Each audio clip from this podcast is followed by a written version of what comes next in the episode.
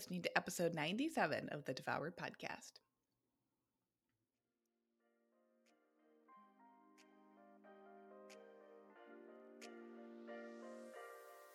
Welcome to Devoured, the podcast for women ready to release the title of Dieter for Good.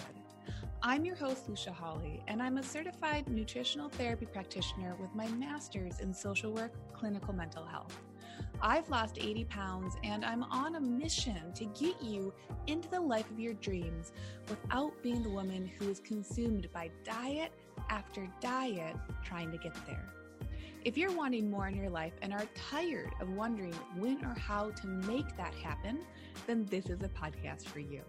You'll learn how to make the radical changes you've only dreamed of 100% possible for you today. I'm so happy you're here. The information provided within this podcast is intended as general education only and is not to be considered a substitute for professional medical advice, diagnosis, or treatment. Hey, party people, welcome to another episode of the Devoured Podcast. Today, I'm laying it all out there for you, and I'm talking about one of the biggest tools and reasons why we use fasting in my coaching program and Lean and Liberated. We use it, number one, because it's a very elegant tool. Okay. But like, let me give you in this episode, I'm going to break down why fasting is such an elegant tool because from one aspect fasting is simple and it's effective and it's like fasting is like a, a, tool for health that has the added secondary benefit of weight loss so there are a lot of reasons beyond losing weight why people fast people can fast in such a way where weight loss is not the primary either benefit or primary effect but also let me lay it out for you why fasting is so damn cool Fasting is so damn cool because it's a way for our bodies to get into ketosis, and I'll break that down if you don't know what that means. It's a way for our bodies to get into ketosis without having to eat a low to no carb diet. Let me say that again. Fasting is a way for us to get into ketosis, which is our fat burning mode, how we burn our own body fat stores. It's the way for us to get into ketosis without having to eat a no to low carb diet. Now, if you're anything like me, you might have had success eating a low to no carb diet in the past. That was a big part of my story. When I was 14, I was put on the Atkins diet. And it was actually a really, really, really empowering experience. There could have been a lot of stories around it. there were a lot of stories leading up to it, but actually, being able to leverage my intake of carbohydrates and drastically drastically lowering that intake was very empowering was very empowering for a 14 year old who up until that point did not and could not clearly see the effect that food was having on her and her health.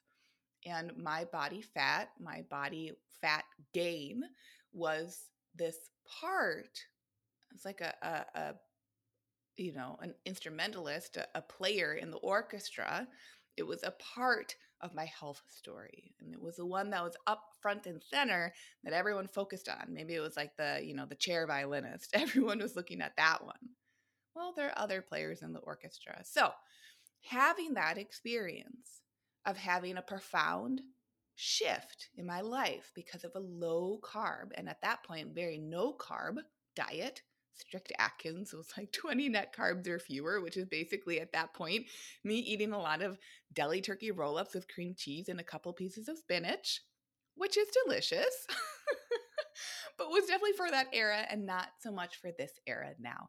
So within the last, I would say, five years, is when I really started to see the other side of low carb diets. Well, no, within the last 10 years, okay? Because that low carb diet was a very long time ago. We're closer to almost 20 years and we're closer to 10 years.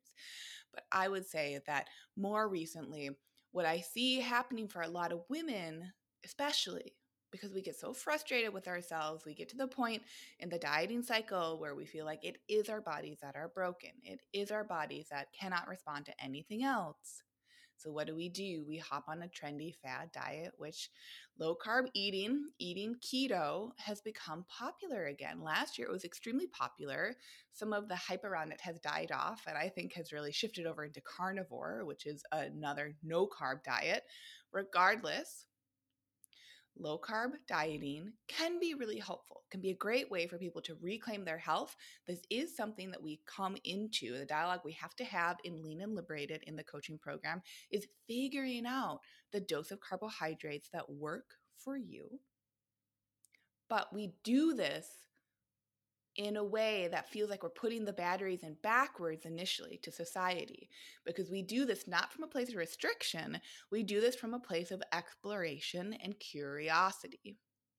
I know a lot of women in the program, and this is not going to sound compelling to you, but I'm going to lay it to you straight. Women in the program experience frustration, and they have to. They have to get frustrated with how the process is quote unquote going, what's coming up for them, how things feel. Because if they don't, then it's just another diet.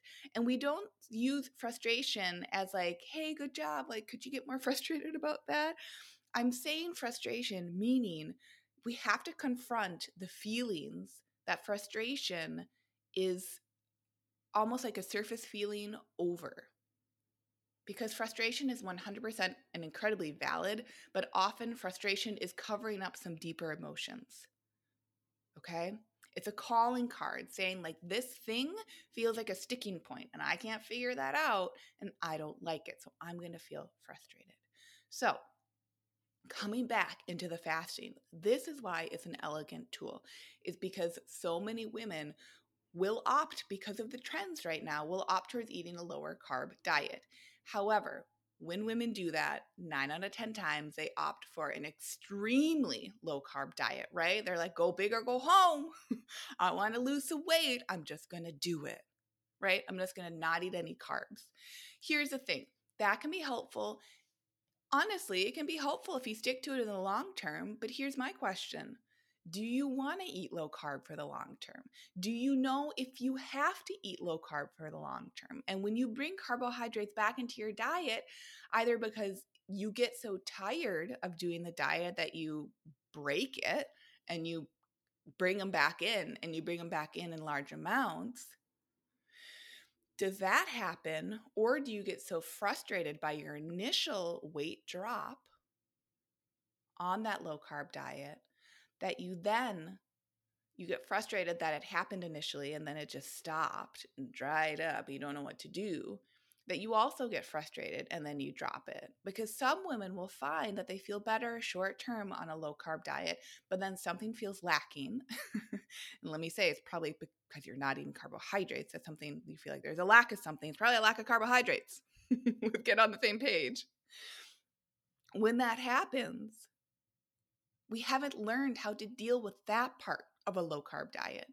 For some people, there are some medical reasons that would necessitate why a low carb ketogenic style of eating works in the long term for some people. There are some medical conditions that are we've seen the data, we've seen the research, and it's great for that. Okay. So remember, when I'm speaking on this podcast, I am speaking in some broad strokes. Some people truly have medical reasons, they have medical needs that would necessitate and would see a long term benefit to doing something more drastic, like excluding one of our macronutrients, which is uh, carbohydrates. So, for people who do not have those medical reasons, there are fewer extremes. They are the people who are like the monk, they're the monkey in the middle. They're feeling frustrated because they can do the extreme, but then they rebound or then they bop to another extreme and then they feel more confused. Here's what I want to tell you about fasting it's not a hack, okay? Fasting, we can use it as another diet, we can get diety around it, it can mess up us in our heads, just like we can let any diet mess us up in our heads. Because when we approach different actions, we got to get really clear on why we're approaching them why we decide to do something. So we can leverage fasting and its ability to put us into ketosis daily for short durations of time so that during our mealtime window, we have the ability to eat without restriction. Does this mean that we binge? I don't know. If it becomes a restriction and binge cycle, I'm going to ask you the question is that truly healthy? Where is that coming from? Okay.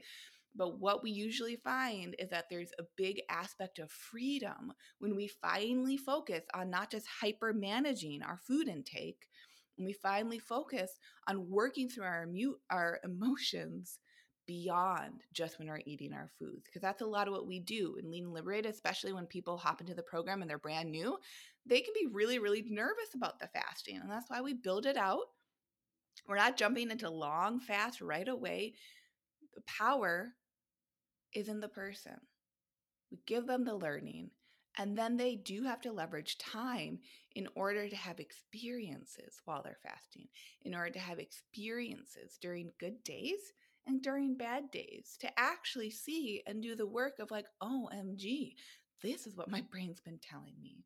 I was just so focused on the diets before that I numbed myself out to actually experiencing my feelings. So you do have to experience your feelings, and fasting isn't going to solve it. But fasting can tune out the noise. I always think of like a volume dial on a radio. Very old school, I know. I think of the volume dial on a radio and it's like it's been blaring. It's been just noisy. And maybe we're like between stations, so there's a lot of static. We turn the dial down. We tune into uh, the station, just one station, so we can actually hear it, and then we follow along and we're going to have some old like muscle memory to want to listen to all of the stories listen to all of the stations wonder where the static's coming from. Our brains are so damn smart. But if we can begin that practice of coming back into aha when i tune in to just one station when i don't worry about the noise i can then follow along. I can follow along with my thoughts. I can follow along with my feelings and I can recognize that if we're going along with the song analogy, that there's a melody. And sometimes the melody is happier. Sometimes it feels like there's sorrow. Sometimes it's joyous. Sometimes it's pompous. Sometimes there's pomp and circumstance. Sometimes there's rest and there's silence. And it is whole and complete because it is its own melody. But how beautiful that we could listen to that melody instead of feeling the drive or the urge or the need to listen to all the other songs on the radio that are playing at the same time. To listen to all of that static that's happening between the different stations all at the same time. So let me break it down to you. What's happening when we fast, okay? Physiologically.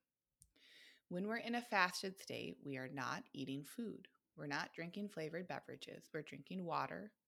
Maybe we're drinking coffee Maybe we're drinking tea. Maybe we're drinking sparkling water, but there are no flavors. As we're drinking water, at some point throughout the day, especially when we fast consistently, and I'm talking about intermittent fasting, so fasts that are only up to 36 hours, and typically for a lot of people are between 16 to 20 hours. Over time, when we're eating in this way, even if we're eating carbohydrates during the times that we are eating food, we're doing a couple of things. Number one, when we're in this fasted state with repetition, our body uses this thing called glycogen. You can think of glycogen, it's quick energy. Think of it in that way. Glycogen is stored in your muscles and in your liver. So we use our muscle glycogen stores when we need them. Easy peasy. You need some quick energy, there's some muscle glycogen. Our body will get into ketosis, which is its fat burning stage, when our muscle glycogen stores have been depleted and when our liver glycogen stores have been depleted. This is what happens in ketosis when we eat keto when we decide to not eat carbohydrates, because carbohydrates are what turn into our glycogen stores in our muscles and in our liver. So, if we're eating in such a way where over time our muscle glycogen stores never get fully repleted, meaning fully refilled, our liver glycogen stores are not always having to get fully refilled. Over time, what this means is that daily we're bumping into ketosis. People will ask me, Lucia, how do I know I'm in ketosis? You're going to know it when you're fasted and in ketosis. It's going to be different for everyone. Let me put that out there.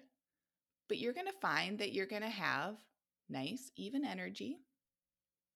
You might actually feel even more nice, even energy when you're fasted than when you have eaten. You'll feel mental clarity. And listen, you might feel some hunger, but let's be clear hunger and starvation are two very different things. And the reason we use fasting and the reason women are coming in to Lean and Liberated is that they're claiming that they have body fat stores that they would like to have shifted. They would like to have less body fat. They'd like to lose weight. So, when we're fasting and we have body fat stores on our body, that means that we have energy stores that we get to recruit if we would like to. So, fasting is an elegant way to recruit that without having to hypermanage eating six special meals a day or having to hypermanage your macronutrient ratios or having to hypermanage your caloric intake. Now, then, let me move on to the next piece. What we then find is that as we're fasting and we're becoming aware during that period of time, we're also then going to have the potential to be aware of how we eat, what we eat, and why we eat, and why we're done eating, why we feel snacky, why we feel cravings. So, being able to turn that radio dial down when we're fasting means that we're then able to focus on when we are eating food which foods serve me and my goals and my values the most you might find that your food choices do change. But it's going to change instead of coming from a place of being restricted and feeling like it's coming from the outside in, these food choices are going to come from the inside out. If you're just told only eat salads until you lose the weight, like be a good girl, only eat the salads until you lose the weight, you're going to rebel after a certain point because no one's teaching you how to live your life. They're teaching you how to do the diet until you get the thing, but they're not teaching you what to do after the thing happens, if it ever does. So we get to flip the script because the beauty of fasting is that you could fast for eight hours or you could fast for 36 hours. You just leverage the fasting for what your needs are. And you can leverage it consistently over time. And that can change based on your body's needs over time. And that's a point I want to like drill home, okay? Because what you might find is let's say you're fasting, you've got a routine, and then because you feel so much less stress, you start a strength training program that you love. It's fucking awesome. Okay, guess what? After two months of a strength training program, your muscles have changed. so your needs have changed. This means that instead of feeling like your diet isn't working or is blowing you out, you actually get to get curious and say, okay, hey, you know what? That hunger that I am feeling during my mealtime, I'm going to continue to feed that, right? Maybe I bump up the protein that I'm eating. Maybe I add in an extra snack. Or, hey, wow, I've been building muscle. My body's naturally burning more calories at rest and when it's active throughout the day.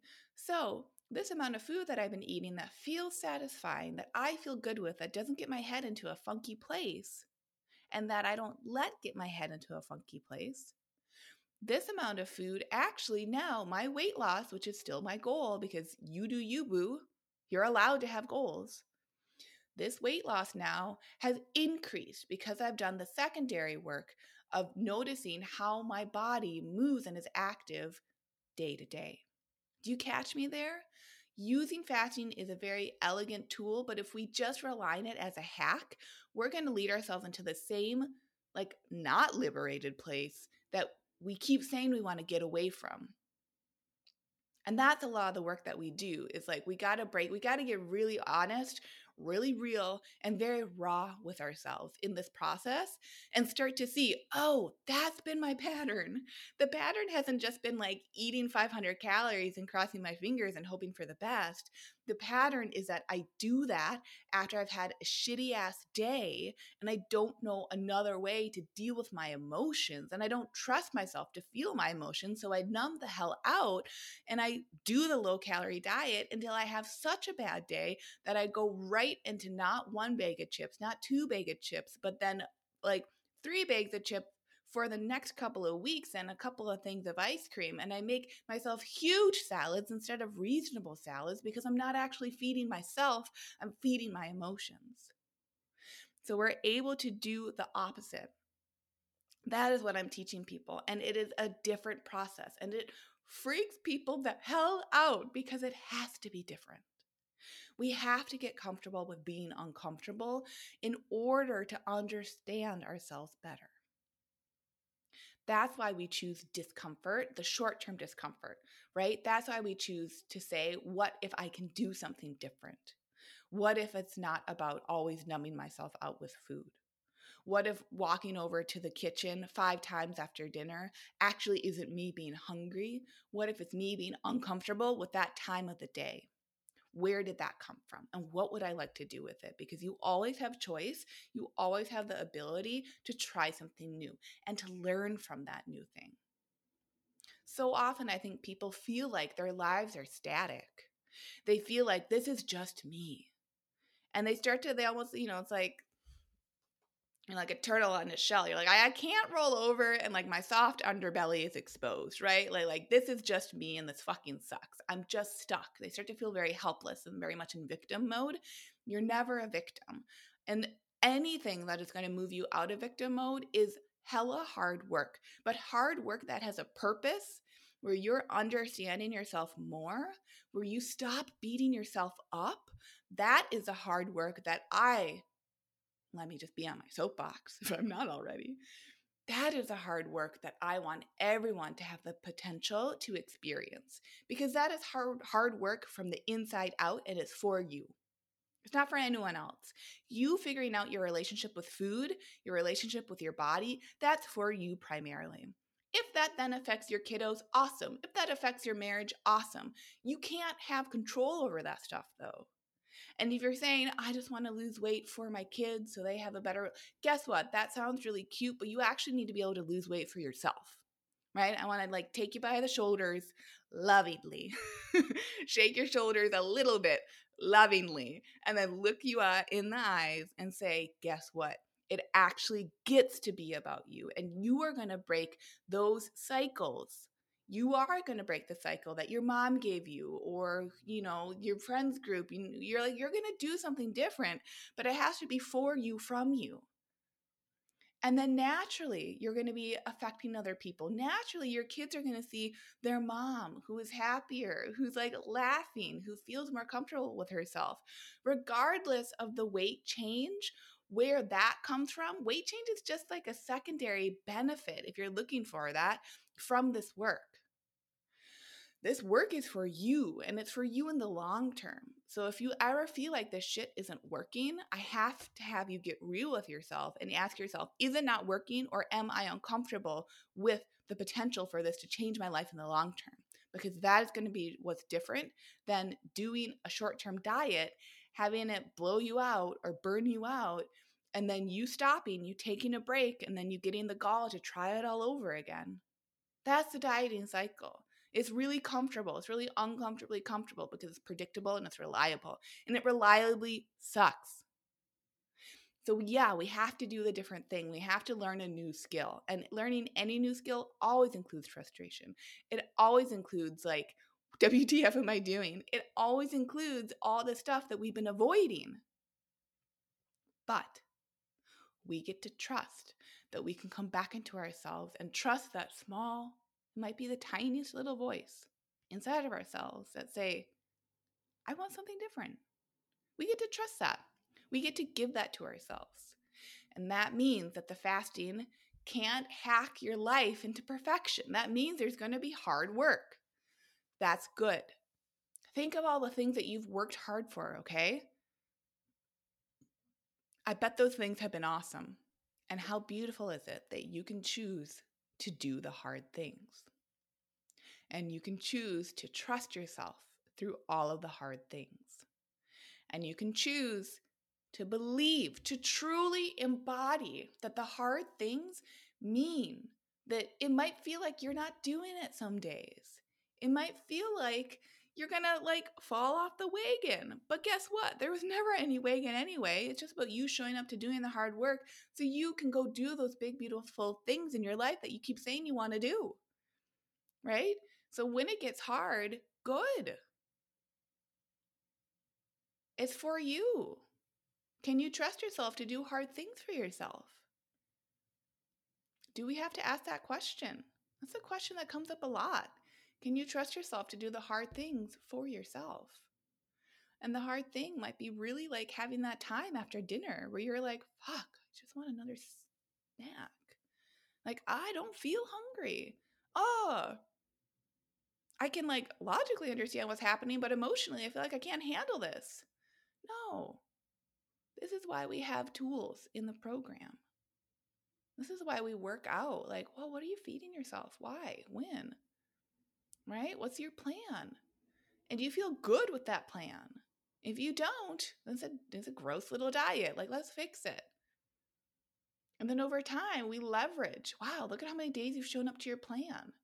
Now you have that much more information. So you're not out to sea. You can't say you don't know what's going on because you've been doing the work of understanding what's going on. That's different than 99% of people. 99% of people love, truly, they love to be a little victimy. They like to not have control. They like to not be the people who are doing the hard work because it's easier. It's way easier to stay in that story, way easier to be a victim. Of course, it's going to be hard work, but it's beautiful hard work. It's a symphony of hard work. It's hard work that builds upon itself and that will affect every other area of your life because how we do one thing is how we do most everything. So if you're here and you're like, I'm trying to figure out my fucking relationship with food, good. Great. Because when you figure that out, it is going to affect any other thing that you're in relationship to, it can't not. There's your double negative. can't not affect any other relationship you have because if you focus on one relationship, it will permeate other relationships. And we do have a relationship with food. We do have a relationship with weight loss. We do have a relationship with all these things that can sound a little intangible, but they're fucking real, right? If they weren't real, we wouldn't be here. We wouldn't be having these conversations. We just wouldn't, plain and simple. Believe me, I'd love to not have a job where this were the subject. I'd love for diets to work. Like, let's be real. If the diet worked and it worked for everybody, cool. Like, sayonara, like, sign off, hat done. Like, you know, check out, we're done, we're good. Cool. Next. It's not that simple. It gets to be hard work. What a privilege. Can you trust that that hard work is for you and that it's going to help you? And the whole goal is you feeling like more yourself. How beautiful is that that you're choosing that for yourself? How beautiful that this is a journey for you. How radically different. Of course, it feels weird. How often do we get to choose ourselves in our lives? Of course, it feels weird. Let it feel weird. You're going to learn so much from that. So, fasting is another way for us to drop into ketosis with regularity without having to eat a low carb diet. That's the biggest point. in this podcast episode is that this gets to be a choice. And what some people find from here is that they might need to tinker with their carbohydrates. Okay, fine. We're not throwing the baby out with the bathwater, but that's part of that experience. So instead of going from zero to 100 and never learning how to feed yourself for life, only learning how to feed yourself for a diet, we do the opposite. And we say, let's leverage this tool. And when you are eating your foods, let's have you get really curious about what you're hungry for, why that is, how that affects your weight loss as you're making those choices. And when and if you're ready, let's have you make different choices. They might not need to be radically different, it might need to be a different portion. It might not be that you can't eat this certain food. It might be the amount of that food. It might be what happens when you eat when you stress when you're stressed out versus when you're completely relaxed. This is all of the data that we are accruing and using and then metabolizing and it's not scary data. It's very, very impactful data, and it will always serve you to be looking at it. So I hope this episode found you well. I am on such a soapbox right now, but I can't not be because this is how you become liberated. And if you think it's an easy journey, I need you to scoff at yourself right now. Like, I need you to give yourself a hug very lovingly and be like, lol. like hashtag rafflecopter like come on you of course of course it's going to be hard but hard isn't bad folks change is not bad it's just new and it's different and the only way we show up to it with repetition is that we try it and we let ourselves follow that little voice inside of ourselves that is saying like fuck you deserve something better you deserve something better than this fucking diet cycle that you've been on for the past 20, 30, 40 years. You deserve this hard work. You deserve to not know what it's going to feel like because why the fuck would you? You deserve to not be a perfectionist in this one area of your life. Let it be hard. That's where the beauty is. Thank you so much for tuning into this episode, and I'll see you all on the next episode. You are all rock stars. Wherever you're tuning in from, I need you to know right now you are uh I, listen, I always have this podcast to be explicit, but this is part is gonna be very explicit. So cover your kids' ears if they're listening to this with you. You are a motherfucking rock star. And I'm so proud of you. Wherever you are on your journey right now, I need you to know that that I have 100% complete confidence in you and in what it is you truly desire and where you want to go. Because you can make that happen, and it is your one beautiful life. So if you're scared of it being hard work, that is okay. But if you're continue to be called to that hard work, it is also okay to dip your toe in and let it be hard because there are going to be beautiful, beautiful experiences in your life that are right on the other side of that, that are here for you and they're here to serve you.